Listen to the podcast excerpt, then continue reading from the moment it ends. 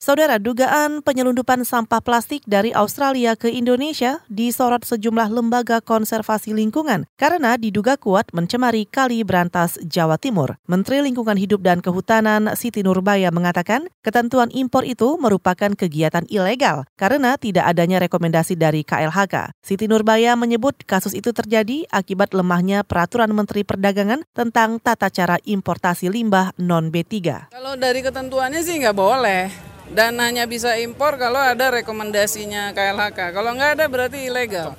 Makanya ada memang ada sisi kelemahan yaitu di peraturan menteri perdagangannya di mana di situ ada HS code. HS code-nya itu kan kode impor ya. Itu eh, ada kata lain-lain. Nah, itu sekarang kita eh, sudah minta ke Menteri Perdagangan. Menteri Lingkungan Hidup dan Kehutanan Siti Nurbaya juga mengaku sudah meminta Kementerian Perdagangan untuk merevisi aturan Permendak terkait tata cara importasi limbah non B3.